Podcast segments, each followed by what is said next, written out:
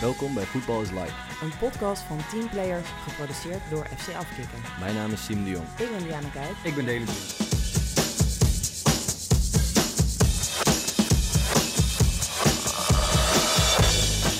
Aflevering 12, ik hoor er nog steeds niet bij.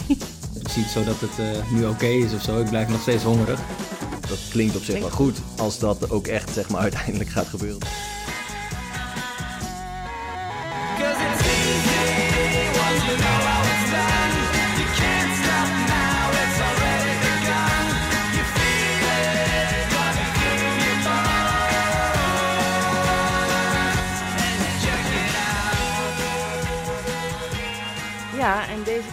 Met vier man sterk. Want naast dat Daily weer is teruggekeerd, zit ook Short Moussou hier aan tafel.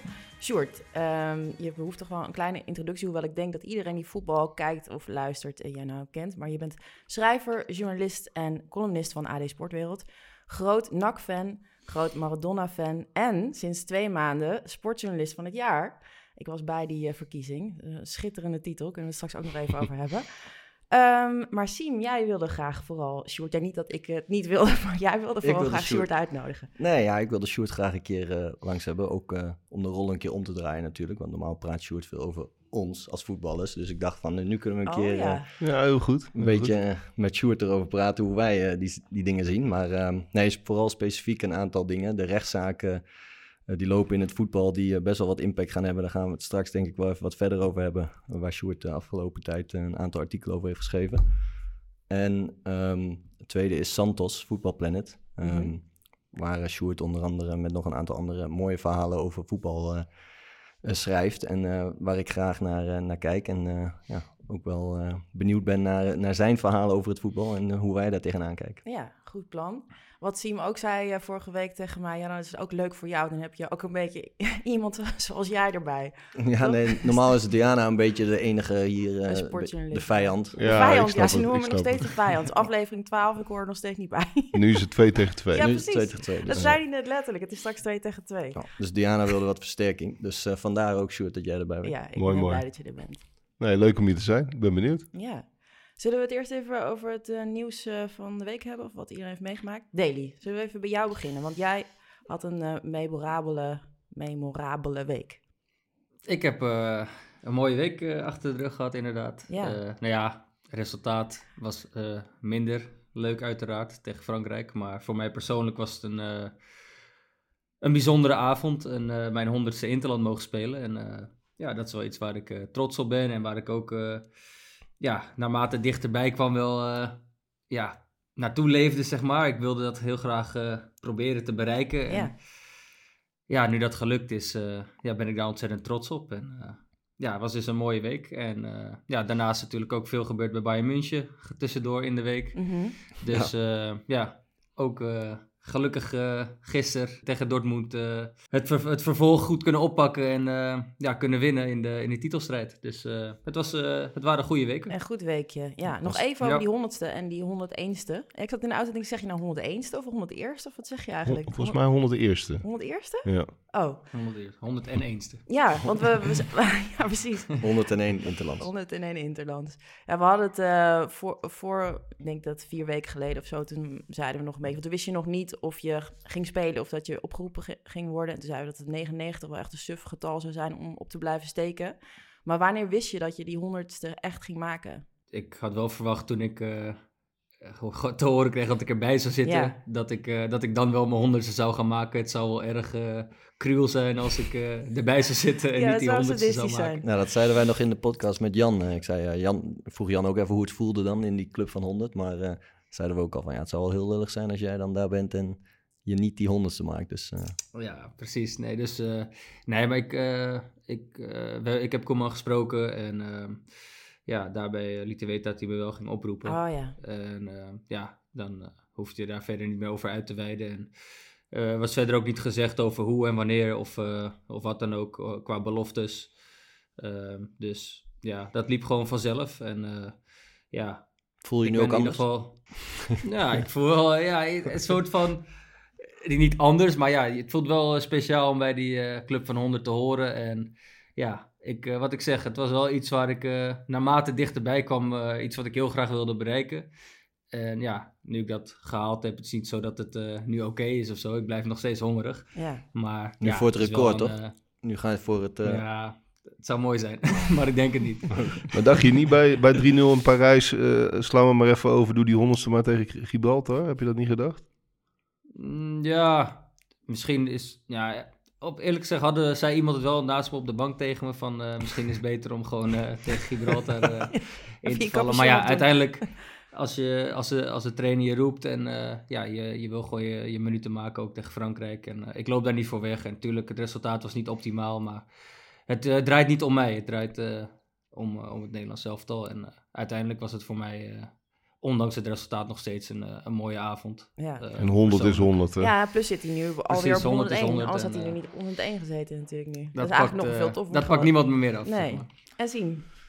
Ja, nee, eh, voor mij eh, gaat het weer de goede kant op. Interlandperiode, rustig eh, kunnen trainen, veel kunnen trainen. Dus eh, Hoe gaat het met de fysiek? ja, als het goed is, eh, vanaf deze week weer bij de selectie. Dus een eh, belangrijke eindfase in. En eh, hopelijk eh, ja, gaan we nog een goede eindsprint maken. Want, fijn man dat je weer kan spelen. ja, dat zeker. Dus dat ten eerste. En ik hoop dat we nog een goed einde van het seizoen in gaan. Dus dat was het leuke afgelopen week eigenlijk. En nou ja, het, het, het triestere nieuws, we hebben het al een keer eerder over Thijs Slegers gehad. Eh, hij is overleden en nou, hij kreeg een heel mooi eerbetoon bij PSV. Eh, ik heb Luc eh, ook al wel een paar keer natuurlijk erover gesproken hoe, eh, hoe het dan met hem ging. Ik, ik kende hem zelf ook, dus treurig nieuws. En ja, het was eh, ehm, heel, ook, ook heel snel. En ja, dat was iets minder deze week. Dus, maar ehm, toch Ja. een mooie, mooie ovatie van het publiek. En dat zoiets in het voetbal kan, hebben we al eerder gezegd, blijft toch ook wel, wel weer speciaal. Ja, 100%. Een, eh, een belangrijk moment te beseffen dat je als Ja. sodemieter de dag moet plukken. Toch, Sjoerd? Nee, zeker. En ja, het- wat het verhaal van Thijs natuurlijk extra speciaal maakt, is de actie die hij die, eh, die hij op heeft gero- Ja. geroepen. Eigenlijk net voor zijn, eh, voor zijn dood. En dat maakt de impact denk ik alleen nog maar groter. Hij was hartstikke jong, hij is, hij is twee jaar ouder dan ik. Eh, we hebben vroeger samengewerkt, dus ik ken hem, ik ken hem al vrij lang. Het is ook heel confronterend als iemand van je eigen generatie Ja. eh, wegvalt. Maar het is gewoon eh, het is ongekend wat hij heeft losgemaakt met die, met die actie. En, en ook de, het effect dat het had. Ja, want ik geloof dat er, dat er meer dan 10.000 10.000, mensen ja. zich hebben aangemeld om donor Ja. te worden. Dus geweldig. Ja. Ja. Nee, zeker. Dat maakt het eh, zeker ook nog allemaal eh, wat, eh, wat groter. En eh, ja, Alle sterkte voor alle familie, Ja, geliefden. inderdaad. Dat maakt het altijd raar om eh, naar de Oh. orde van een dag te gaan. Maar waar, waar wilden we het eigenlijk allemaal over hebben vandaag? Oh ja, die rechtszaken wilde Die rechtszaken, ja. Nou ja, nee, Sjoerd, ja, ik eh, was wel benieuwd eigenlijk. De Super League, een rechtszaak nu natuurlijk over de UEFA, die eigenlijk nou, alles, alles regelt nog. En de Super League was de eerste keer vrij snel natuurlijk van de baan. En een aantal clubs die zelf een competitie willen opstarten. Ehm, maar eh, ja, jij volgt het denk ik nog iets eh, specifieker. Eh, Ja, wat een beetje, kijk, de eerste reflex bij de Super League, en dat is denk ik bij heel veel voetballiefhebbers zo van, ja, ik moet er niet aan denken. Dat, eh dat eerste plan, dat was een gesloten competitie Ja. met 15 clubs. Nou ja, dat, dat zou het hele voetbal natuurlijk op zijn kop gaan zetten. Er kwam heel veel weerstand tegen. En was binnen een paar dagen was het van de baan. Eh, nu is het eigenlijk zo dat er een soort Super League 2 eh, wordt Ja. opgestart. Althans, dat zijn ze aan het proberen. En daar willen ze wel een open competitie van maken in vier divisies.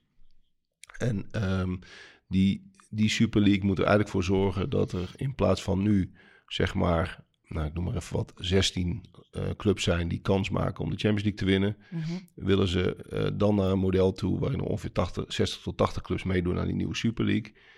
Waarin het geld gelijker wordt verdeeld dan nu het geval is. Waardoor je meer mensen, meer teams kans hebben. Ja. Precies, Om dat, Port- dat ja. Porto en Ajax ook, Ja. ook gewoon een reële kans hebben om de Champions League te gaan winnen. Dat is even de mooie kant van het plan. Nou, en dan gaat er een, de, de rechtszaak gaat er eigenlijk om.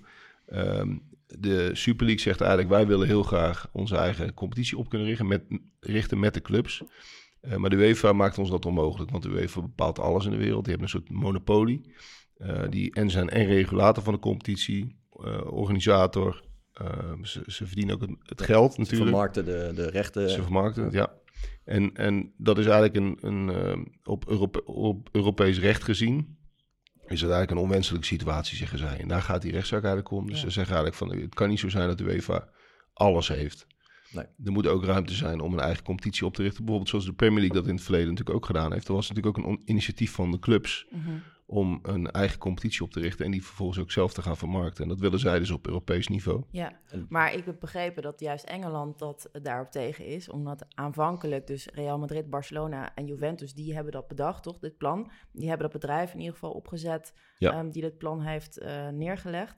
En dat daar, ah, wat daar aan de grondslag ligt, is dat eigenlijk dat de tien rijkste clubs, dat daar zes van eigenlijk eh, Engelse clubs zijn.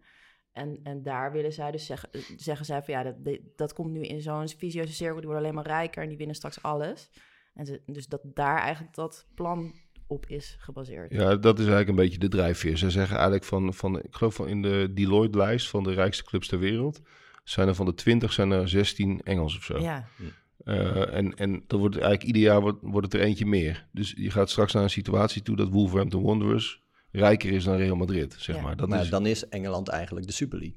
Ja, dat klopt. En, Dus ja. en daarvan zeggen zij dus van ja, dat, dat is onmenselijk. Vanuit andere landen, ja, vanuit andere clubs. Ja, ja. Nee. En Nee. dat is natuurlijk hun, hun belang ook. Ja, dus eh, ja, we gaan het zien. Het, het is moeilijk te zeggen wat de uitkomst van die maar voor rechtszaak jullie wordt. als voetballers, Daily, als jij dan zo hoort van zo'n nieuwe league, wat is dan, wat voor gevoel krijg je daar dan bij?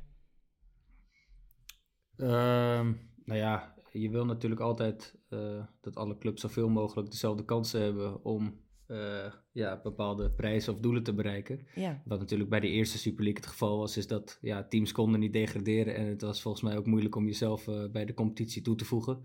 Dus ja, dat, Bij dat eerste plan dan valt, dan, dan valt het hele ge- het gedeelte van sport, vind ik al weg. Ja.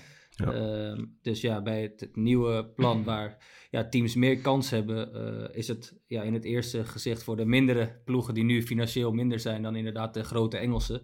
ehm, ja, is dat interessanter dan de, dan, de, dan de Engelse ploegen. En ik denk dat ze daar dan een ja, oplossing voor zullen bedenken om al die ploegen mee te krijgen. Maar Ja, wat ja, ik denk ook- dat je ook een beetje open, open-minded eh, ervoor moet zijn om, eh, ja, soms is verandering eng, maar het kan ook op een positieve manier uitpakken. ja. Ja, want je wil Dus ja. ook niet eigenlijk dat de UEFA inderdaad alles bepaalt. Dat is natuurlijk nu ook niet, niet echt wenselijk. En het andere is wel, dit, eh, hoe het wordt opgezet, is dat de clubs meer met elkaar moeten gaan bepalen op een democratische manier, achtig wat dan het systeem gaat inhouden en waar het geld naartoe moet, las ik. Dat er 45% volgens mij van de inkomsten naar eh, Solidarity Funding, dus eh, vrouwenvoetbal, de jeugdopleiding, het geld moet beter verdeeld worden.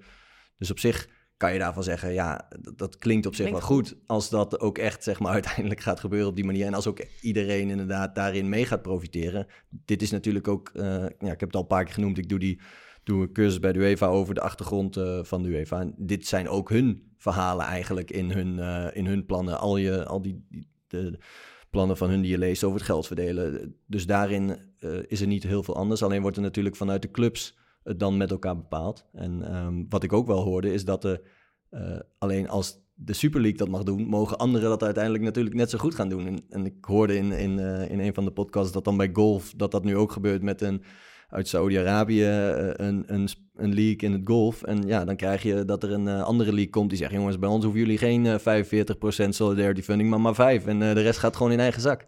Dus ja, Het wordt dan een soort vrije markt.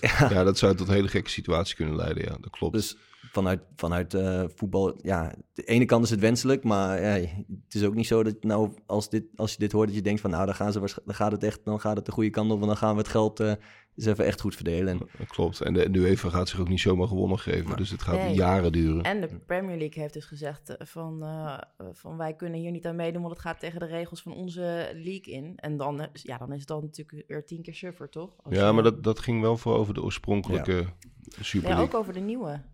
Ja, maar die, die, de nieuwe Super League wordt eigenlijk een vervanger van de Champions League. Althans, Ja, dat, als de dat, Champions is, League, ja, oké. dat is het idee.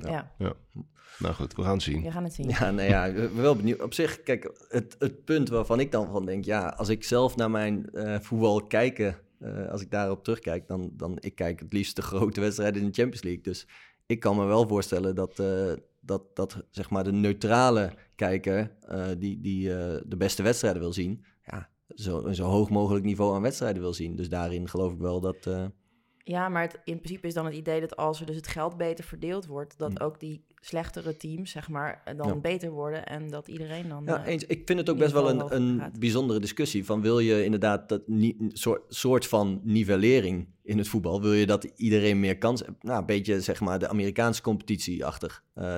Daar heeft nou, best, wel, best wel gelijk. dus de salarissen zitten in ieder geval redelijk gelijk.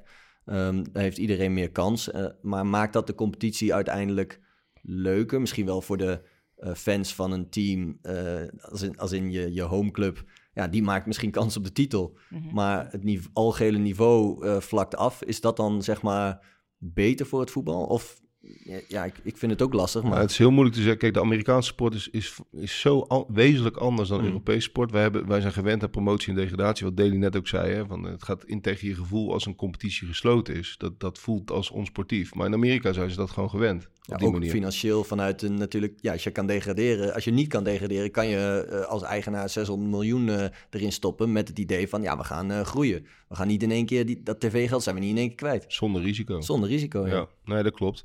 Nee, het, is, het is echt wel, de, ja, het is een moeilijke discussie. Maar wat, wat ook wel interessant is, kijk bijvoorbeeld, neem nou Ajax. Hè. Hmm. Ehm, Ajax heeft heel erg geïnvesteerd om natuurlijk aan te haken bij eh Champions League. Mhm. En die, die komen, en dat ging natuurlijk, eerste jaar ging dat geweldig. En eh, iedereen kwam in de flow van, eh, wow, dit- het kan dus toch. En nu zie je eigenlijk de laatste jaren dat ze zowel sportief als financieel merken, ja, het kan eigenlijk net niet. Ja. Want die andere clubs die lopen allemaal verder weg. Mm. Dus Ajax doet er alles aan om zeg maar naar een begroting te gaan van eh 250 Ja. miljoen. Mhm.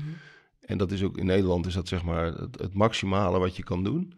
En ondertussen worden de concurrenten, die worden nog twee keer zo rijk. Dus dat, het gat wordt eigenlijk juist Ja. groter.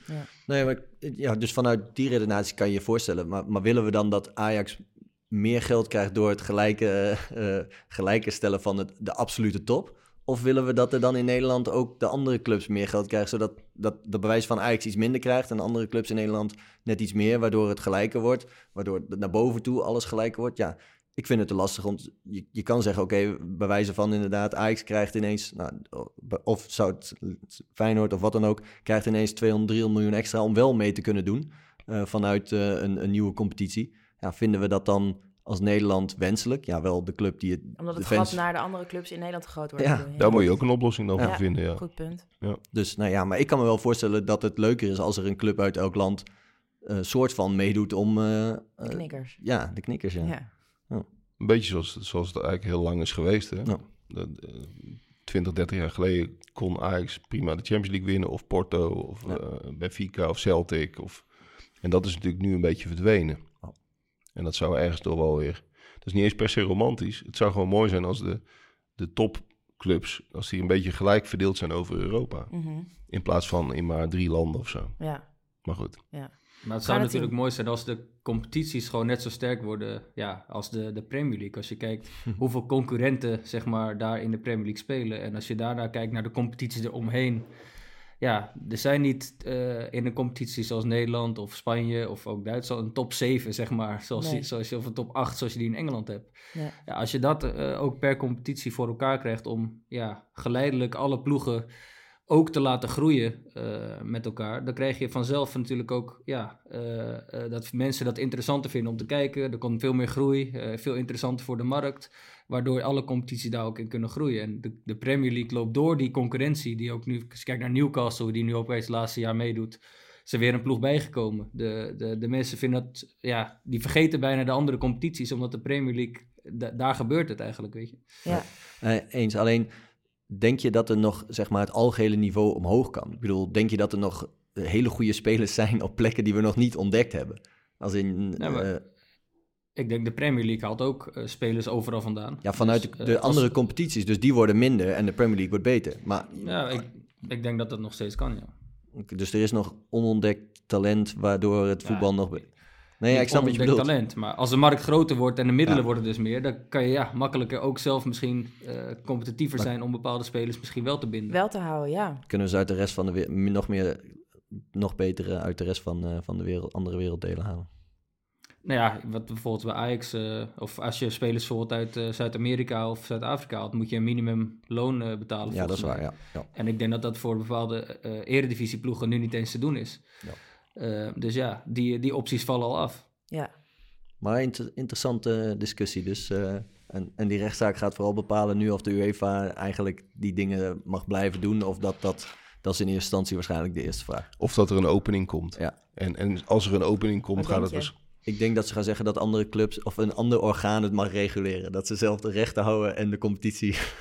Ja, nou, ik denk dat er in ieder geval wel uitkomt dat er iets van een opening komt dat het onder bepaalde voorwaarden moet kunnen. Want de, de- het gaat om Europees recht. Er moet dus een zekere vorm van vrije marktwerking zijn. Dus Ja. ik denk wel dat er iets uitkomt. Ik denk alleen dat er daarna nog 30 rechtszaken op volgen. Ja, gezellig.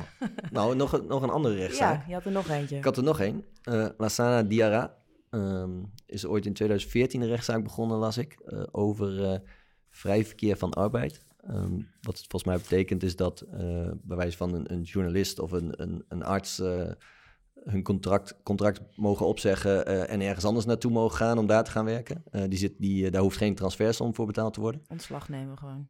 Ehm, en wat hij zegt is van waarom is dat bij voetbal eh, eigenlijk wel zo? En hij heeft in het begin een aantal rechtszaken daarin gewonnen, eh, dacht ik.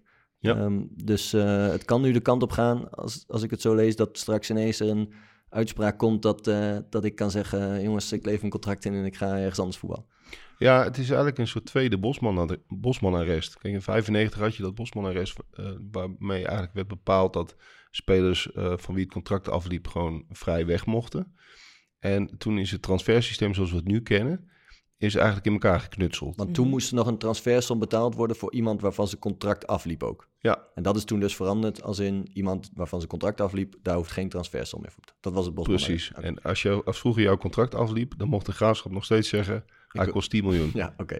En, en ja, dat was heel raar, maar dat was wel zo. Ja. En toen hebben ze gezegd van, nou, je contract, eh, als je contract is afgelopen, mag je vrij weg. Toen zijn clubs zijn ook heel lang contracten gaan afsluiten in die jaren, want die dachten eh, van, ja, anders lopen al die spelers weg. Dat was ook een beetje een gekke situatie. Maar ehm Diarra zegt eigenlijk, het transfersysteem zoals we het nu kennen, is nog steeds niet eerlijk. Want ehm, het is nog steeds geen vrij verkeer van arbeid. Nee. En er zit, ja, dat is gevoel, ik ben geen Mhm. jurist, maar er zit wel wat in. Want ehm, dat transfersysteem zoals we het kennen is eigenlijk een beetje knutselwerk. Het is een beetje zo bedacht. Na het Bosman-arrest dachten ze van ja, als, als we het helemaal vrij laten, dan, ehm, dan kun je competities en clubs niet meer beschermen. Want dan kunnen spelers maar links en rechts de deur uitlopen. En dat wil je natuurlijk niet. Je wil een soort van selecties hebben Ja. waarmee je een competitie in kunt. Maar ehm, het transfersysteem op zichzelf is, is eigenlijk, heeft juridisch bijna geen basis. Dat is ook bijzonder dat je zegt als, al- dat er eigenlijk dus niet echt wat daarover in het contract heel erg specifiek staat, maar dat toch een club een transfersom mag vragen. Of staat Nou- er nu specifiek ook wel echt iets in het contract waardoor dat dan zo mag zijn? Het is nu zo, en daar ging de Diarra-zaak om. om. Die, jongen die, eh, die eh, had een conflict met Lokomotief Moskou. Die, eh, die liet zijn contract ontbinden, had daar ook reden toe. En die ging naar Charleroi. En ehm, normaal zou je zeggen, oké, prima, hè? Dat, logisch, contract ontbonden. Maar er is een soort boeteclausule eh, nu, waardoor Charleroi bij wijze van spreken 10 miljoen eerst moet betalen aan boete om die Diarra onder contract te krijgen. Ja. Nou, dat wilde Charleroi natuurlijk niet, dat risico wilden ze niet nemen. Dus die hebben gezegd, nou, eh, zoek het maar uit. En toen is die Diarra, is die rechtszaak begonnen. En daar is dit eigenlijk uit voortgekomen. En zijn advocaat is dezelfde advocaat als Van Bosman. Ja. En die wil eigenlijk eh, ja, dat, dat het gewoon hetzelfde gaat werken, inderdaad, met journalisten, leraren, artsen, noem maar op. Dat als jij als voetballer je contract op wil zeggen, dat dat gewoon op ieder moment kan. Nou ja, en Ja, Ja. Diana had hier in een, in een podcast ooit een keer een goed idee op. En toen zeiden Daly en ik eigenlijk lachten het weg, dat het eh Die nergens op lachten sloeg. het echt mega snel. Ik ga het nog een keer neerleggen bij Sjoerd. Nou, leg jij het nog even een keer neer bij Ik Sjoerd. vroeg, waarom gaan we niet een soort freelance systeem eh, in de wereld helpen? Dat je dus, eh, zeg maar, bijvoorbeeld bij, eh, als je één team hebt, dan mag je nog één freelancer erbij doen, die dan bijvoorbeeld voor drie maanden er is. Dus dat je bijvoorbeeld dan een Slatan, weet je wel, die gewoon een beetje klaar is, of Siem, die ook al een beetje, bijna een beetje klaar is, Oh, dat die nog een jaartje gaat freelancen. En dat je die dan, zeg maar, als soort huurling nog aan je, aan je team kan toevoegen. En er zitten natuurlijk een paar regels. Je wil niet voor één wedstrijd, weet je wel, dan steeds. Dus je moet ze dan wel bijvoorbeeld voor drie maanden of zo vastleggen. Maar ik vond dat een heel goed idee. nou, moet- in dat je Engeland was dat een beetje met die korte huurtermijn. Maar dat je dus eh, inderdaad gewoon als speler kan zeggen... met huurlingen hebt. Dat je gewoon, en, en als je dan als kleine club, weet je wel, stel dat NAC eh, dat je gewoon een soort crowdfunding kan doen. En dat je dan uh, slaat dan Ibrahimovic nog even Het lijkt me voor de attractiviteit is het een geweldig Ja idee. toch, jongens? Ja. Maar ja, als, echt geen, als er geen transfersommen meer worden gevraagd, kan je gewoon zeggen: Ik ben freelancer vanaf nu. Ik kom. eh, ja, dat kan hoe lang willen jullie eh, Ja. dat ik eh, langskom? Ja, nou, het zou wel mooi. Kennen jullie John Stark nog? Dat was een stripverhaal vroeger. Nee? Je had Roel Dijkstra en zo. En je had Ronnie Hans. Ja, jullie zijn natuurlijk net wat Ja, jonger. ja, Maar je had ook John Stark. En dat was dus een huurvoetballer. Die Oh. liet zich per wedstrijd inhuren. Dat was natuurlijk een strip. Maar... Ja. En dat was precies dat idee. Ja? Ja. Wat een top idee, hè, jongens.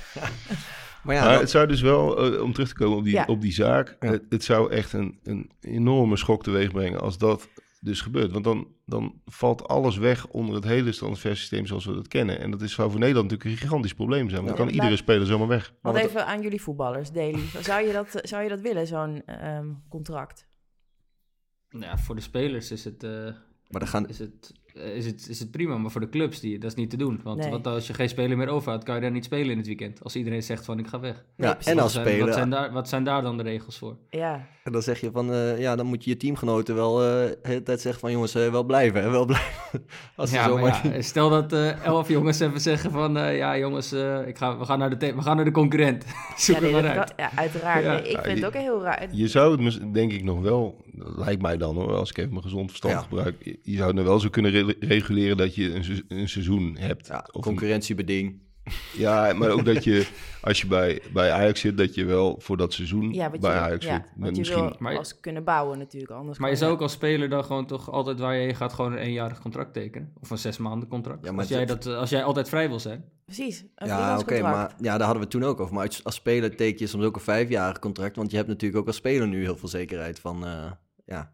Ja, mag, maar ja, het dan dat is dan de- mag het dan andersom Dat is dan de keuze die je, ja, dat is dan de keuze die je moet maken. Het risico Mogen ze die je wil nemen. Mogen ze jou, dat, dat mag niet hoor, want dat is dan weer niet eh, vrij verkeer van arbeid. Ze mogen jou niet zomaar eh, ontslaan.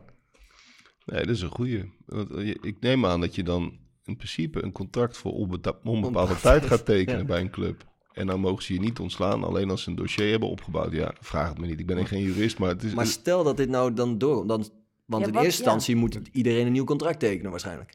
Nou ja, de gevolgen zijn volgens mij echt niet te overzien. Daar kunnen we een hele podcast over vullen. Want als je erover na gaat denken, stel nou dat dat echt zo gebeurt. Dan kan Ajax bij wijze heel zijn jeugdopleiding opdoeken. Ja, Want, want dat betekent dus eigenlijk dat iedere Ajax-speler die doorkomt... dat je daar dus geen transfer, transfersom meer voor kan vragen. Dan moet je zo'n Super League hebben waar die, die, dat geld eerlijker verdeeld wordt. En geen transfers meer worden betaald. Maar dat het... eh, Nee, maar voor de Nederlandse markt zou het natuurlijk echt Ja. een ramp zijn. Want wij, wij leven ervan om, om spelers op te leiden en Ja. ze vervolgens weer eh, te verkopen. ja. Ja, nee eens. Nee, dus eh, ja, bijzonder. eh, ik ben benieuwd, want het is best wel Maar, nu serieus. Nou, het is best serieus, toch? Bijvoorbeeld is ook nu- een team. Stel je, stel je bent wisselspeler. Dan denk je toch ook van ja, waarom zou ik hier blijven zitten? Ik ga lekker naar een andere club. Ja. Ja, waarom Ja, zou je, waar, ja. Maar het, het is een krankzinnig idee. Alleen het, het gekke is dat als je er zeg maar puur arbeidsrechtelijk naar gaat kijken... en dat zeggen die mensen dus ook... die zeggen van ja, maar Dokter eh, mag het het zijn ook. allemaal een beetje... Zo, een dokter mag het ook, ja. In het voetbal zijn het eigenlijk een soort, een soort gentleman's agreements... om het zo Ongeschreven regel. eh. Ongeschreven regels, ja. Dat zeggen ze eigenlijk. De manier waarop jullie het in het voetbal doen, met, met die transfersommen, en die worden dan een beetje zo, eh, met natte vingerwerk, wordt dat een beetje Ja, bepaald. het is natuurlijk ook zwaar uit de hand gelopen. Ja, maar daar zeggen zij dus eigenlijk van, arbeidsrechtelijk is het nergens op gebaseerd. Dus ja, ja Maar en, want het is ook niet zo dat nu, zeg maar, het loopt al sinds 2014. Dus het is ook niet dat het nou op dit moment even zo van, ja, als we het in 2014 erover gehad hadden, dan was het een ander verhaal. Het is nu dat het echt wel, eh, volgens mij was het uitgesteld vanwege dat ze nu niet echt wisten wat ze, de uitspraak hoorde ik iets van. De afgelopen in de laatste rechtszaak, omdat ze nu wel op een punt komen dat het echt eh, serieus gaat worden. ja hij, heeft, hij heeft blijkbaar bij, alle lokale rechters heeft hij Ja. steeds gelijk gekregen. En nu zijn ze eigenlijk naar het Europees Hof gestapt, zo van, nou, nu gaan we ook all the way. ja. Terwijl die, hij is inmiddels al gestopt met voetbal. Toch? Die begon met Ja. rechtszaken in 2014 toen hij nog actief was. Maar inmiddels Ja. is hij al gestopt. Maar nu gaat het gewoon om het principe, toch een beetje?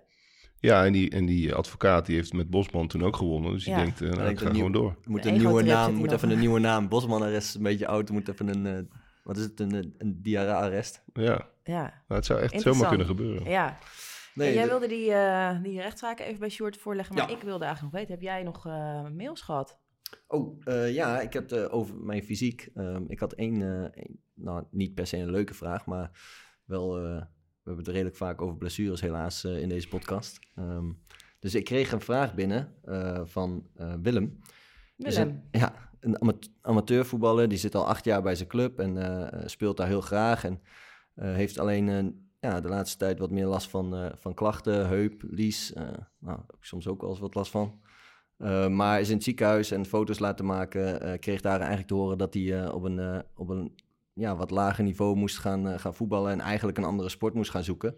En eh, bij de fysio daarna langs geweest, eh, die zei dat ook. En, ehm, maar hij is er nog niet echt van overtuigd. En hij wil zijn huidige team ook niet verlaten. Dus eh, hij vraagt eigenlijk van, wat, wat adviseren jullie? Hoe gaan jullie om met zulke tegenslagen? Oh, wat een lieve vraag. Herken jij jezelf een beetje in Willem? Nou ja, wel, wel een beetje. Wel een beetje, ja. Ja, nee, ja, eh, ik wil mijn huidige team ook nog niet verlaten. Nee. Nee. dus ik probeer ook elke keer weer terug te komen. Dus eh, Dan kan jij misschien lastig antwoord geven dan aan Willem, want jij Nou ja, struggelt met hetzelfde. wat ik kan zeggen is dat ik ook elke keer alles aan doe om maar eh, weer proberen eh, door te gaan. Ja. Dus, eh, Oké, maar tegen Willem heeft de arts al gezegd, je heup kan niet meer. En dan dat- ga je dat- toch dat- zeggen van... dat heb ik nog niet gehoord. Eh, nou, ik heb het ook nog niet zo gevraagd. Dus misschien eh, als ik het zou vragen van, lijkt het je nog verstandig dat ik nog speel? Dat die dan arts dan ook zegt, nou, ik zou het niet meer doen. Maar eh, dat zover heb ik het nog niet laten komen. Maar nee, ja, wat vind jij? Wat zou jij is doen? wel Team kan het frustrerend, ja. mij niet helemaal... eh, ik kan het niet loszien van Eh, elkaar. Nee. Ik zou zelf een second opinion van wie? ja, van nog een paar andere artsen. En eh, ja, mocht het echt de conclusie zijn ja, dat je niet meer mee kan op het niveau, dan, Ga je nu zeggen dat er dan meer in het leven is dan voetbal? Dan zou ik zeggen, misschien kan je op een andere manier je team blijven supporten, maar toch zelf op een, andere, op een ander level gaan voetballen. Maar Ja, als je inderdaad niet meer kan, dan eh, ja, als het fysiek niet kan, dan kan het niet. Ja, ja. Want je trainer, maar ja, misschien van inderdaad een second opinion. Ik heb ook wel eh, ja, met mijn eh, blessures gehad. De ene arts zegt dat je revalideert in zes weken en de andere zegt dat je revalideert in twee weken. Ja. Dus ja, het is misschien eh, ook zoeken naar de, de juiste methode qua revalidatie of eh, misschien verschillende methodes. eh, ja. Misschien kan hij nog iets dieper graven naar, de, Ik had nog een andere... arts die je misschien wel kan helpen. Ik had Ja. nog een ander inspirerend verhaal van een andere speler wel. Die ehm, eh, sprak ik toevallig vorige week. eh, Thomas Robson Canoe.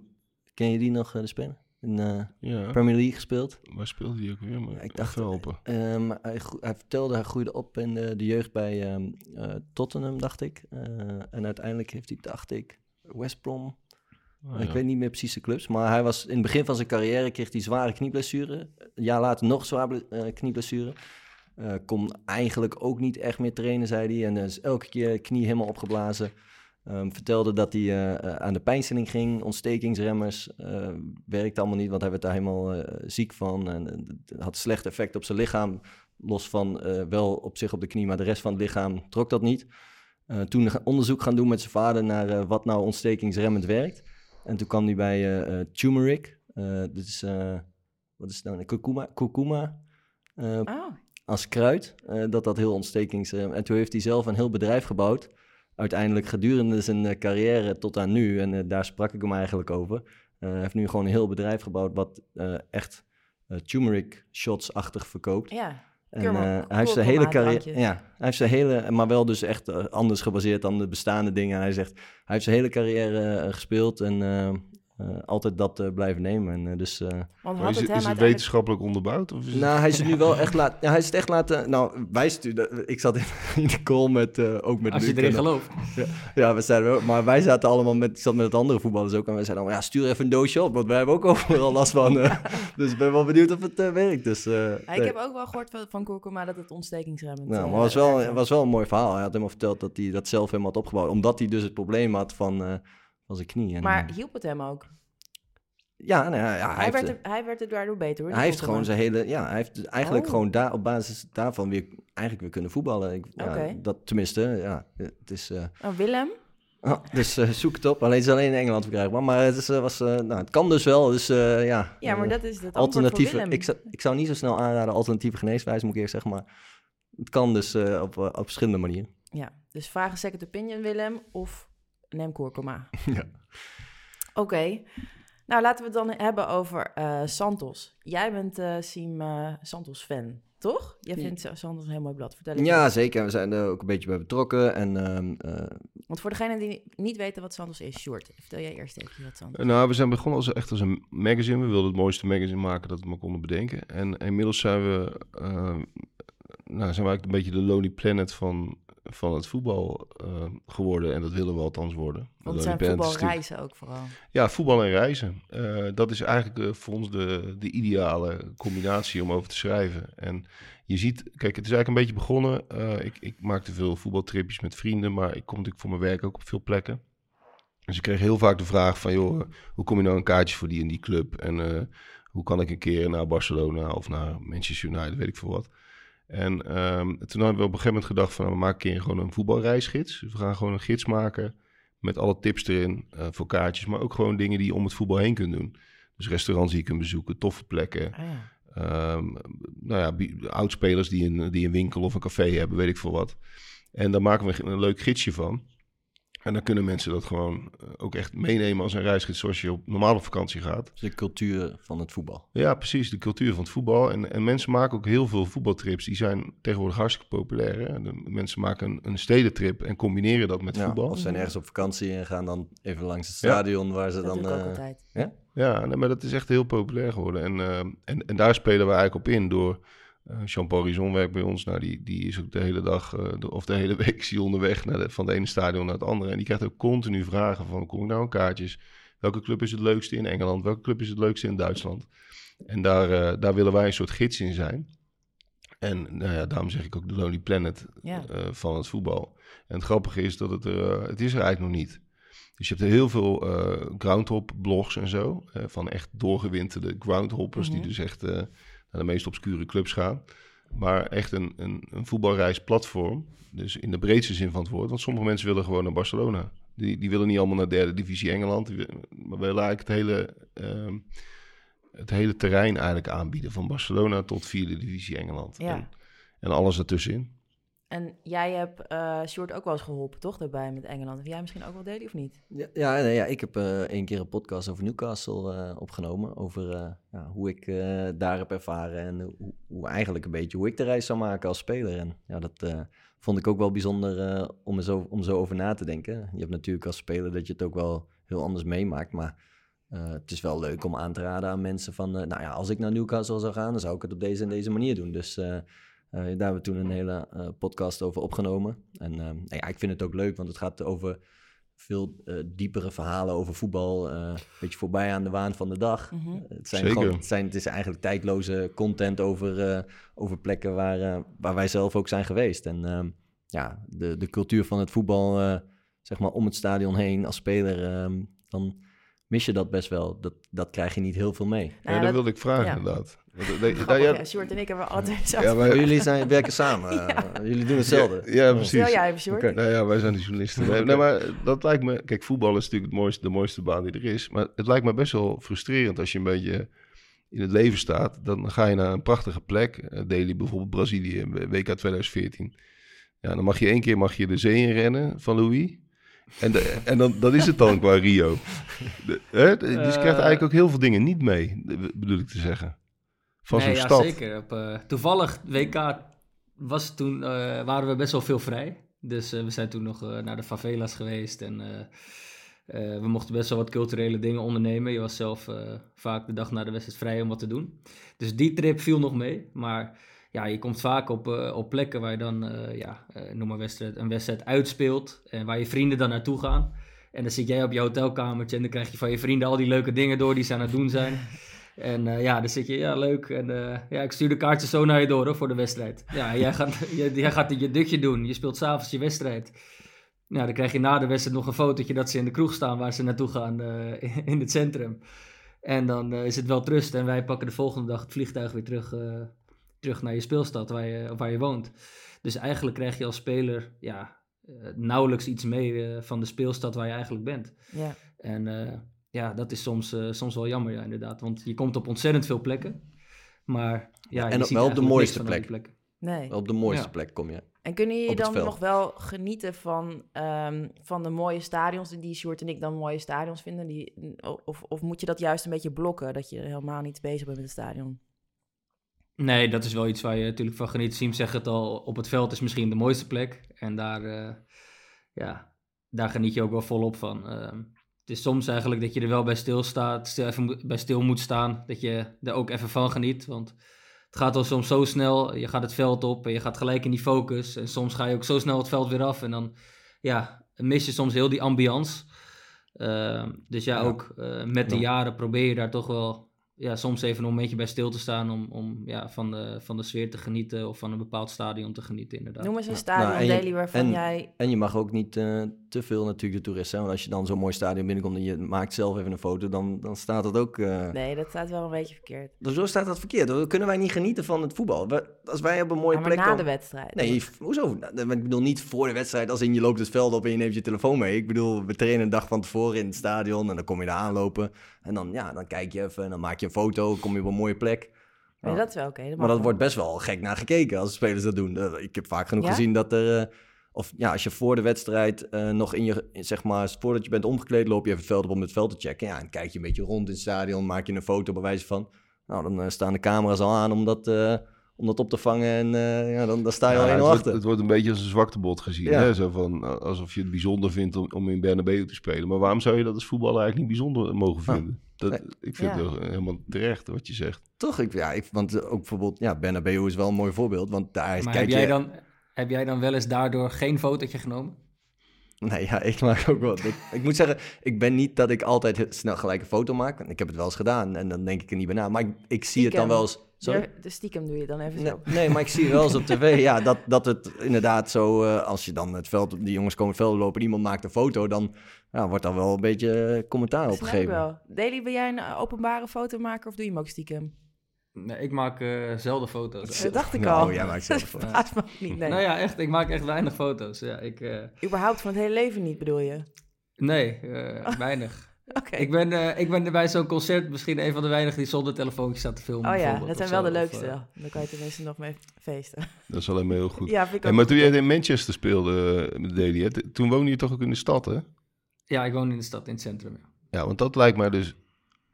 Als ik dus voetballer zou zijn, dan zou ik dat ook altijd doen. Ja. Omdat dat is nou de manier om, om ook een beetje mee te krijgen van waar je bent. Toch? Nee, ja, zeker. Ik, eh, we hebben daar ook echt een toptijd gehad in het centrum. En eh, ja, we liepen, ja, we liepen zo de stad in naar de, de leuke restaurants, de leuke plekjes. Eh, ja, het stadion was echt op, eh, op, op 10 minuutjes. Eh, het trainingscomplex was dan iets verder, maar ja, dat, dat was prima. Maar ja, we hebben daar volop genoten in de stad, ja, zeker weten. En dan kon je ook wel gewoon, eh, zeg maar, vrij bewegen. In de zin van dat je niet continu gefotografeerd wordt of lastiggevallen of weet ik veel.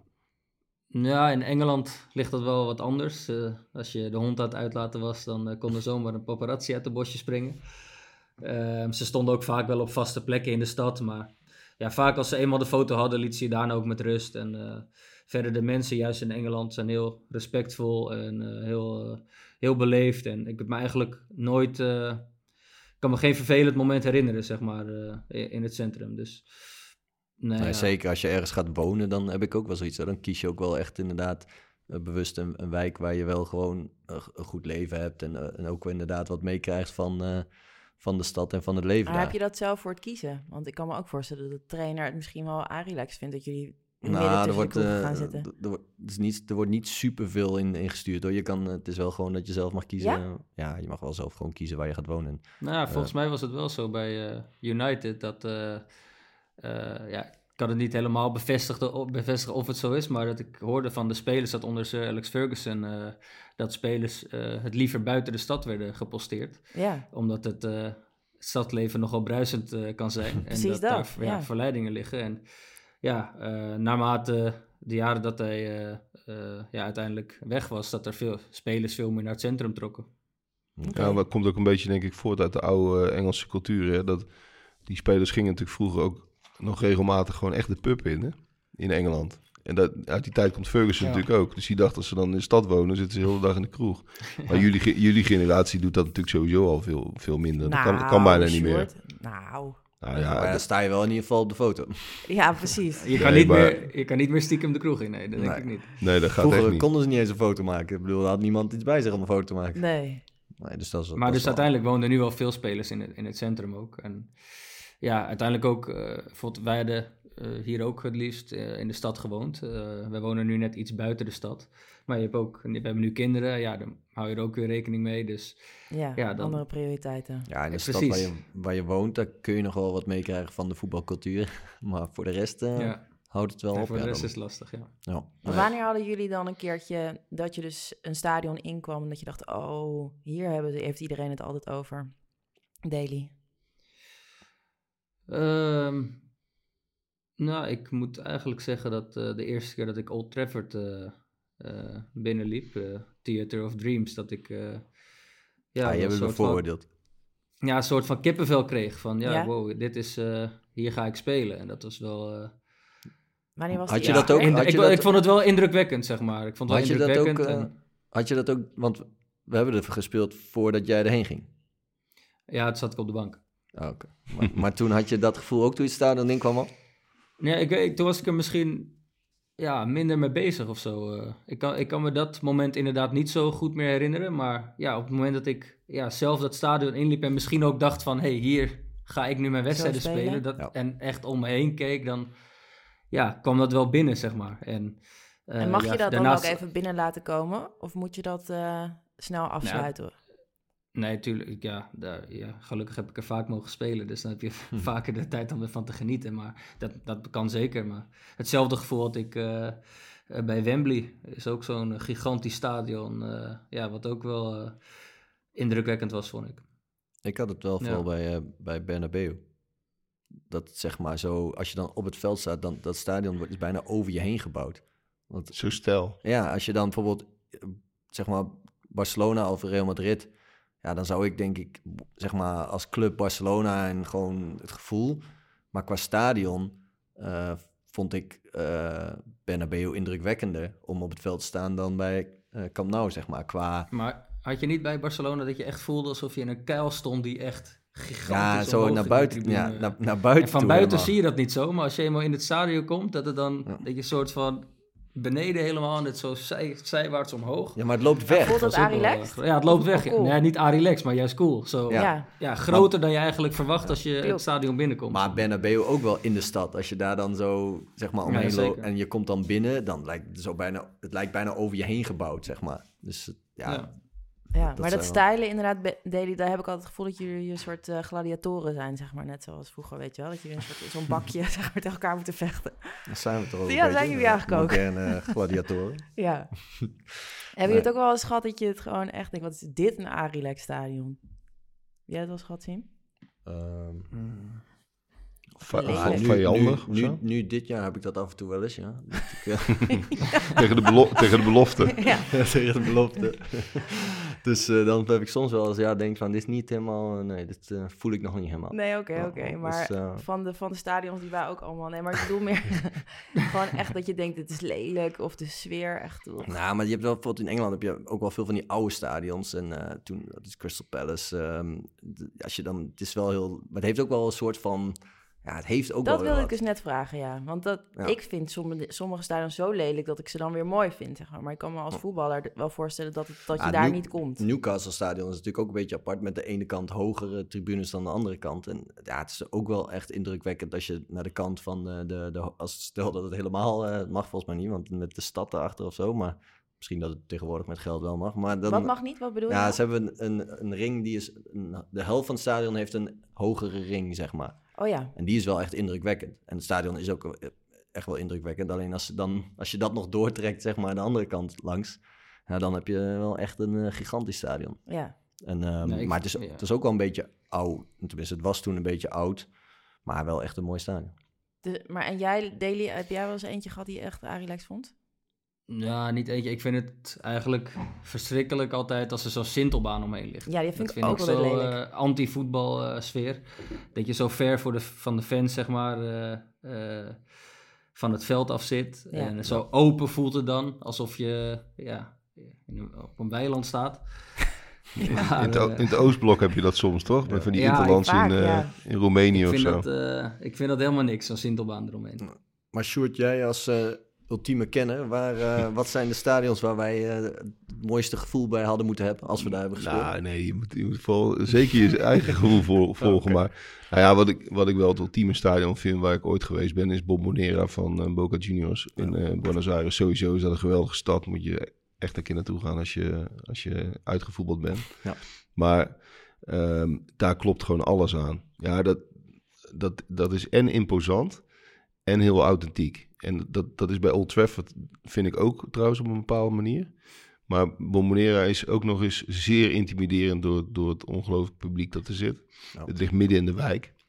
Die hele wijk is eigenlijk blauw-geel. Dus alle winkeltjes, alle, alle huizen zijn in die, kleur, in die kleuren geschilderd. Het, de stadion is als het ware ja, echt, echt onderdeel van, van de hele wijk. En ja, het is super stijl. Het is asymmetrisch, daar hou ik van. Weet je wat jij net over Newcastle vertelt? Ik vind dat tof, want dan geeft het net wat meer karakter. Als een, als een stadion helemaal eh, symmetrisch is en alle kanten hetzelfde, dan denk ik altijd van ja, wat is daar dan eigenlijk bijzonder aan? Wat is het verschil tussen Schalke en HSV, zeg maar? Dat, Ja. dat lijkt gewoon op elkaar. Ja, En Bombonera heeft eigenlijk van alles het beste. Hm. En ehm, ik, ik heb ook wel eens gedacht, volgens mij Wesley Sneijder, die, die kon in, in, de nadagen van zijn carrière, kreeg hij een keer een aanbod van een Argentijnse club. ja, Volgens mij van San Lorenzo of zo. Toen dacht ik van, waarom doet hij dat niet, joh? ja. Het lijkt me zo gaaf om in Argentinië te voetballen. Alleen, het is voor profvoetballers wel eh, heel onveilig. Ja. Dus ik snap wel als je gezin hebt. Om daar te wonen überhaupt. Ja, je, je moet dan echt op van die compounds gaan wonen. Omdat, omdat er zijn vaak, vaak overvallen op, eh, sowieso op rijke mensen, maar ook op voetballers. En dat is een beetje wat, wat veel Europese spelers afschrikt om daar te gaan spelen. Ehm, Maar dat is de ultieme voetbalreis. eh. Ja, Ja. ik ben het met je eens, Sjoerd. Ik ben daar ook eh, geweest. Ik heb het wel eens aan die jongens, eh, niet, dat is niet opgenomen, maar verteld dat ik eh, moest huilen daar, omdat ik het zo overweldigend vond. Eh, ook bij Boca. Ja, bij Boca, ja. Ja. Omdat het gewoon, het geluid, zeg maar, wat, wat daar gecreëerd wordt en, en de, ja, de passie van die mannen, die, die zeg maar, op het randje van gek eh, zijn, dat vond ik zo heftig dat ik gewoon... Maar huilen van geluk. of- Nou ja, het was een soort van... Oh. Ja, het was wel een soort ontroering, zeg maar. Ik, ik kon het gewoon niet, niet aan. En ehm, Maar het Ja. is zo intens. Dat, Ja. dat is echt niet te vergelijken. Dat, ja, dat- trouwens, je hebt natuurlijk ook... Delia was in Qatar ook bij. Waren natuurlijk ook heel veel Argentijnse supporters. Echt tienduizenden. Ja, dat is gewoon niet te vergelijken met hoe, Nee. hoe wij dat beleven in Europa. Maar met Engeland ook, Engeland ook niet echt. Heb jij toen heb toevallig ook in dat vak gezeten waar iedereen staat en wat zo met van die, eh, van het, eh, nou niet prikkeldraad, maar van die, eh, van, dat, van die ijzeren netten is afge... Ja, achter de goal. Oh ja, nou, ik wilde daar dus. Ja, ik, had, ja, de, ik wilde daar dus ook graag staan. Tenminste, ik wist niet zo goed waar ik het over had. En toen waren er dus kaartjes voor mij geregeld. En toen zei ze: nee, ja, dan kun, kun je bij de. ehm, ja, in de, in de Sky Lounge staan. En dat, toen dacht ik, ja, dat wil ik helemaal niet. Ik wil met, tussen die mensen staan, zeg maar. Daar was ik een beetje, eh, baalde ik een beetje van. Maar ja, omdat ze me dat voor me hadden geregeld, wilde, durfde ik daar verder niks over te zeggen. Maar toen stond ik dus later in die Sky Lounge, wat helemaal gewoon relaxed was. Want het is helemaal niet zo bobo-achtig als bij ons, maar gewoon een soort verdieping. Eh, toen zag ik zeg maar dat vak waar ik eigenlijk had wilde staan. Toen was ik wel heel blij dat ik daar niet stond. Omdat het waren sowieso alleen maar gasten. Maar die waren helemaal doorgesnoven. En die hingen echt zo in die hekken. Ehm, dus dat, eh, ja, dat moest ik met terugwerkende krachten mezelf toch ongelijk geven. Maar jij stond er dus wel tussen. Ja, ja, en ze rennen dan naar voren bij een doelpunt. Hè? Ja. Dan sprint iedereen naar voren. Nou, dat, dan moet je wel opletten, want anders lig je, lig je eronder. Echt hè? Ja. Ja. Maar dat vak, dat laten ze ook voor, op het laatst uit. Dus iedereen mag dan zeg maar eerst het stadion uit. En dan laten ze als een soort dieren op het allerlaatst gaat de hekken open. En dan mogen die loco's er nog uit. En Sjoerd. Ja, nou ja, wij stonden daar eh, een beetje veilig achteraan gaan staan. Een beetje Ja. lafjes, maar eh, we stonden wel achter de goal, ja. Ja, cool. Nee, dat is echt mega, ja. En ja. binnen Europa? Ja, ik vind Old Trafford ben ik ook, ben ik ook fan van. Bernabeu, eh, dat heb- hadden jullie natuurlijk al benoemd. Eh, Celtic is geweldig. Ja. Eh, Napoli toch ook wel. Dortmund met de... Ja, ook te gek met de gelbe wand. Ja, maar van de grotere stadions zijn dat wel de, vind ik wel de gaafste. Maar ik vind een Old Trafford vind ik zo, ook zo tof dat het ook weer die asymmetrie heeft. Hè? Dus niet alles, alle tribunes zijn hetzelfde. En het is van de ene kant oude meuk, maar daardoor proef je ook gewoon de historie van die club heel goed, vind Mhm. ik. Ja, je hebt die, die klok daar aan de buitenkant met die, eh, dat eerbetoon aan de, de München-ramp, zeg maar. Mhm. Overal, ja, het voelt gewoon echt als voetbal. En, en bij die nieuwere stadions is dat vaak wat minder, omdat ja, die geschiedenis is er gewoon nog niet. Dus, dus En bij Old Trafford heb je, is het gewoon en imposant. Ja, dat Daly heeft het natuurlijk. Ik vind ook mooi dat, ja, jij weet dat veel beter, maar eh, hoe Wout Weghorst het veld oploopt daar altijd. Die, staat, die, die heeft zich echt voorgenomen om als hij het veld oploopt, om het gewoon iedere keer helemaal te inhaleren, zeg maar. Oh ja. Die staat grijnzend naar die tribunes te kijken van wat maak ik nou mee? Ja, dat is wel heel Vind ik mooi. Maar Ja. heeft, wel... die fans zijn daar ook gewoon zo intens, Ja, zeg maar. Wat zeg je, sorry, Ja, Daly? die, die fans zijn daar ook gewoon, ja, misschien anders dan in, eh, in Argentinië, maar ja, ook heel intens, zeg maar. eh, elke wedstrijd weer opnieuw. En ja, zeker zo'n Wout die, die elke wedstrijd alles uit de kast haalt, zeg maar, eh, wordt het zeer gewaardeerd, denk ik.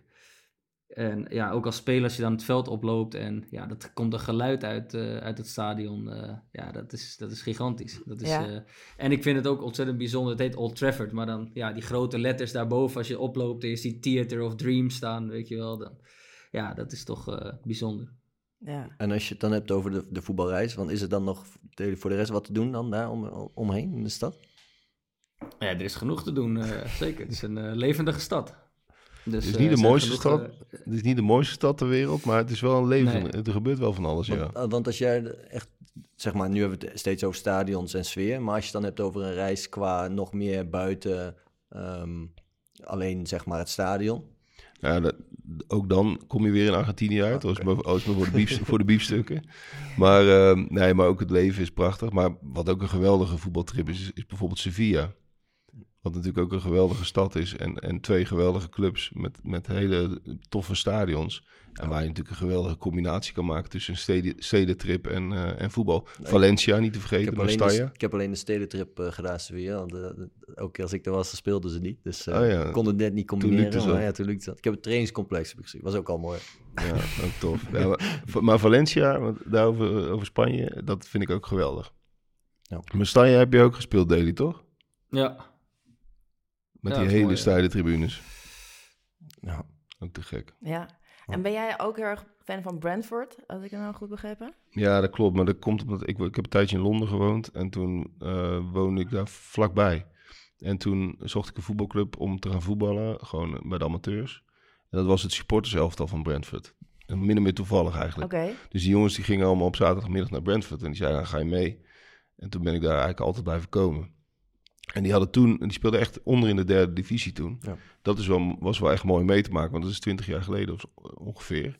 En die speelden in zo'n heel oud stadionnetje. En die hadden op iedere hoek een pub. Dat stadion was bekend dat het om, op iedere hoek een pub had. En, maar het was echt, echt een van de kleinste clubs van Londen. En zij hebben dus, in tegenstelling tot mijn andere favoriete club, NAC, voeren zij wel goed beleid. en zijn ze in één rechte lijn eh, naar de Premier League gegaan. Wat natuurlijk echt ongekend is, want ze staan volgens mij nu zesde. Ja. Ze zijn boven Liverpool. Ja. En eh, dat is wel echt heel tof om mee te maken. Want die jongens met wie ik toen voetbalde, die waren gewend om te verliezen van Scunthorpe United, zeg maar. Ja, ja, ja. En die spelen nu gewoon tegen, tegen Arsenal en Liverpool en zo. Maar hebben ze dan wel dat obscure stadionnetje obscuur gelaten? Of hebben ze dat moeten Nou, dat, stadion zijn ze, daar zijn ze weg, maar ze Oh. hebben nu een nieuw stadion. Maar dat is ook heel tof geworden. Ja? Eh, de- dat is wel modern, maar dat, dat is niet te groot. Dat past gewoon bij het formaat van de club, zeg maar. Ligt midden in de, in de wijk nog steeds. En de sfeer is geweldig. Dus eh, het is nog steeds een hele leuke club om te bezoeken. En het is een heel, ja, toch wel een club die, zeker op Premier League schaal, nog iets heel eh aanraakbaar familiairs heeft, zeg maar. Mhm. Daily, zou jij zijn er, ook, eh, voorstellen... zijn er ook reizen die je hebt gemaakt waarbij je denkt van, oh, daar heb ik spijt van, die had ik niet moeten maken. Jawel, ja, nou ja, ik heb dat heel snel, in, toch wel heel snel in het roergebied. het roergebied. nou ja, dat is niet zo ver. Dat is niet zo ver een reis. Maar als je Gelsenkirchen en Bochum en zo, als je daar doorheen rijdt, ja, daar wil je. Voor het voetbal is het heel leuk, hè? Ja. Maar, maar daar wil je niet doodgevonden worden. Dat zou voor mij een reden zijn. Nee, dus Als dat ik jullie was- cultuurstukje vind je dan niet, niet fijn. Nou, ik heb, ik heb wel, ook wel ietsje minder met Duitsland, maar, maar zeker in die hoek, zeg maar, dat, dan, dat, dat is, het is, alles is lelijk en grauw. En, Dan ga je echt ja, alleen voor de wedstrijd. Ja, ga je echt alleen voor de wedstrijd, ja. Nee, maar München heeft nog heeft grandeur. Hè? Dat, dat is een mooie eh, stad wel. Ja. Maar dat roergebied vind ik helemaal niks. Nee. Oké, noteren we. Maar en Sjoerd, als jij nou dan nu zo over al het voetbal praat, ehm, wat vind je dan leuker als journalist? Dit soort verhalen of dan ook wel toch het eh, kritische, Afzeiken. opbouwende, opbouwend kritische Lach je ook. richting, eh, of nou, wat je ook soms schrijft. Nee, de waan van de dag ehm, bedoel je toch ook? De waan van de Ja. dag een beetje. Nou, over de waan van de dag schrijven kan ook leuk zijn. Want dan, dan- daardoor gebeurt er altijd, er gebeurt altijd iets in een dat beetje voetbal. prikkelen. Ja, maar het is ook wel grappig om te volgen gewoon, hè, wat er allemaal misgaat in voetbal. Want het lijkt van de ene kant li- lijkt het een hele grote wereld. En, en als je er, nou jullie zitten er meer middenin dan ik, maar wij zitten er toch ook redelijk dicht tegenaan. Dan zie je ook best wel vaak dat het ook een hele kleine, knullige wereld is. Hm. En dat vind ik gewoon ook wel leuk om te volgen. En ik, ik, ik ben niet kritisch om het kritisch zijn. Soms moet je, moet je de, de, ehm, de schoonheid van dingen beschrijven. En soms moet je beschrijven waarom dingen misgaan. En soms moet je een keer kritisch zijn op, op beleidsmakers of op, af en toe op een speler. Maar dat, ja, dat ligt een beetje eh, aan de situatie. Kijk, het liefst zou ik alleen maar mooie reisverhalen schrijven. Ja? Dat- Als je, Dat dat, betaalt, was- dat betaalt minder ook. dat betaalt minder. nee, maar dat is op zich natuurlijk wel het leukste. Van de andere kant, de dynamiek van dat het, dat het iedere dag anders kan, kan zijn. Hè? En de spanning richting een wedstrijd. Dat is ook wat voetbal natuurlijk mooi maakt. Het onvoorspelbare eraan. De, alle dingen die er gebeuren in die wereld. Ja, dat, dat vind ik ook wel boeiend. Dus ik vind het moeilijk kiezen. Ja, ik snap het. Ja, ik- het heeft allebei wel wat. Ja. Deli, zou jij je kunnen voorstellen dat als jij straks niet meer voetbalt, dat jij dan ook voetbalreizen zou maken? Of dat je dan, ehm, ja, dat je dan voor de cultuur gaat, zeg maar, en ervan gaat genieten? Of... Ja, lijkt me, lijkt me leuk om eh, ja, weer meer te zien dan, eh, dan de, de Ja, hotelkamer en, eh, en het stadion zelf. Eh, ja, zeker. Lijkt me, lijkt me ontzettend leuk. Ja. Denk Ja. je dat je zo'n reis naar Argentinië zou maken? Ja. Ja, het lijkt me ook leuk om... eh, ja, mijn vader is nu ook eh, wat rustiger. En om samen met mijn vader bijvoorbeeld bepaalde voetbalreizen te maken. En eh, ja. ja, we hebben samen eh, continu in deze wereld geleefd. Samen heel veel reizen gemaakt, ook in het voetbal. Maar Hebben Ja, jullie ooit een gewone voetbalreis gemaakt? Eh, ja, we hebben ja, niet heel vaak. eh, maar we zijn een keer samen toen nog op Highbury geweest bij Arsenal. Oké. En dat was met een, eh, een vriend van mijn vader en eh, ja, zijn zoon, dus een vriendje van mij toen de tijd. En eh, ja, dat, dat, eh, dat, was wel, eh, dat was wel mooi. Geweldig stadion, hè? Ja, ja dat was fantastisch. Hoe oud? Hoe oud was je toen? Of, eh poeh. Ik denk dat ik eh, zeven was of zo. Oh, Oh, als, zo jong. Ja. als dat je ik laatste heb pas echt. voetbalreis Ja, was. ik, ja, ik, ja, maar kijk, mijn vader was dan natuurlijk daarna al Ja. continu druk, Mhm. ja, elk weekend. Ja. En, en ik ook. En ja, we hebben samen fantastische voetbalreizen gemaakt. Maar Ja. niet eh, op een ontspannen manier, zeg maar. Was nee. vaak eh, in een werkrelatie. Dus het lijkt mij ontzettend leuk om samen met mijn vader eh, en, of, en of vrienden eh, bepaalde voetbalreizen te maken. En eh, ja, wat meer dingen eromheen te zien. En eh, ja, Ja. dat lijkt me wel leuk. Ja, ik heb ooit eentje gemist. Zo mijn vader en oom en eh, neven en ik en Luc dan. Ik denk dat we ja, net iets op 12, 13, 14, zoiets waren. Eh, toen hadden ze een reis, gingen we voetbalreis maken naar Newcastle. Ja? Dus eh, ja, die heb ik toen net gewist. Maar Luc was toen wel inderdaad als eh, voetbalreis naar Newcastle, naar het stadion kijken en zo. Dus eh, nou, uiteindelijk allebei daar mogen spelen. Dus eh, Ja, dat was wel, is wel bijzonder. dat is ja. zeker bijzonder, ja. Ja. ja. En wie, welke hebben jullie dan op je verlanglijstje op één als jullie dan straks gestopt zijn eh, om naartoe te gaan? Maar volgen de expert natuurlijk. Bombonera. Experts, hallo. Experts, sorry, experts. Maar ja, dat lijkt me wel mooi. Sowieso, ik bedoel, sowieso Zuid-Amerika lijkt me inderdaad wel mooi om... eh, Ik ben eigenlijk alleen met voetbal geweest en eh, ja, niet zoveel van gezien eh, voor de rest. dus, Want Brazilië is ook te gek. ja, in daar dat zijn opzicht. Ja, daar enige, we hebben het, eh, ja, het strand eh, een keer gezien, eh, het hotel en het voetbalveld. eh, dat was het eigenlijk bij. eh. dus dat is vaak wat, je, wat je meemaakt als je dan eh, die kant op gaat. Maar dat lijkt me wel mooi om, eh, om dat ook eens te gaan meemaken. En wat is het meest nog één daarop inhakend? Hè? Want jullie maken inderdaad dan niet zoveel mee, want je zit in je hotelkamer en je moet daarna naar het stadion. En wat is de meest intimiderende aankomst die je ooit hebt meegemaakt bij zo'n stadion? Is- Of is dat gewoon Feyenoord Ajax, eh Daily? Ja, ik denk het Eh, wel eigenlijk. Nee, ja, Feyenoord Ajax, eh, volgens mij was het vorig jaar of twee jaar geleden dat we echt via een andere ingang, weet je wel, moesten. werd toen even op het laatste moment omgeleid.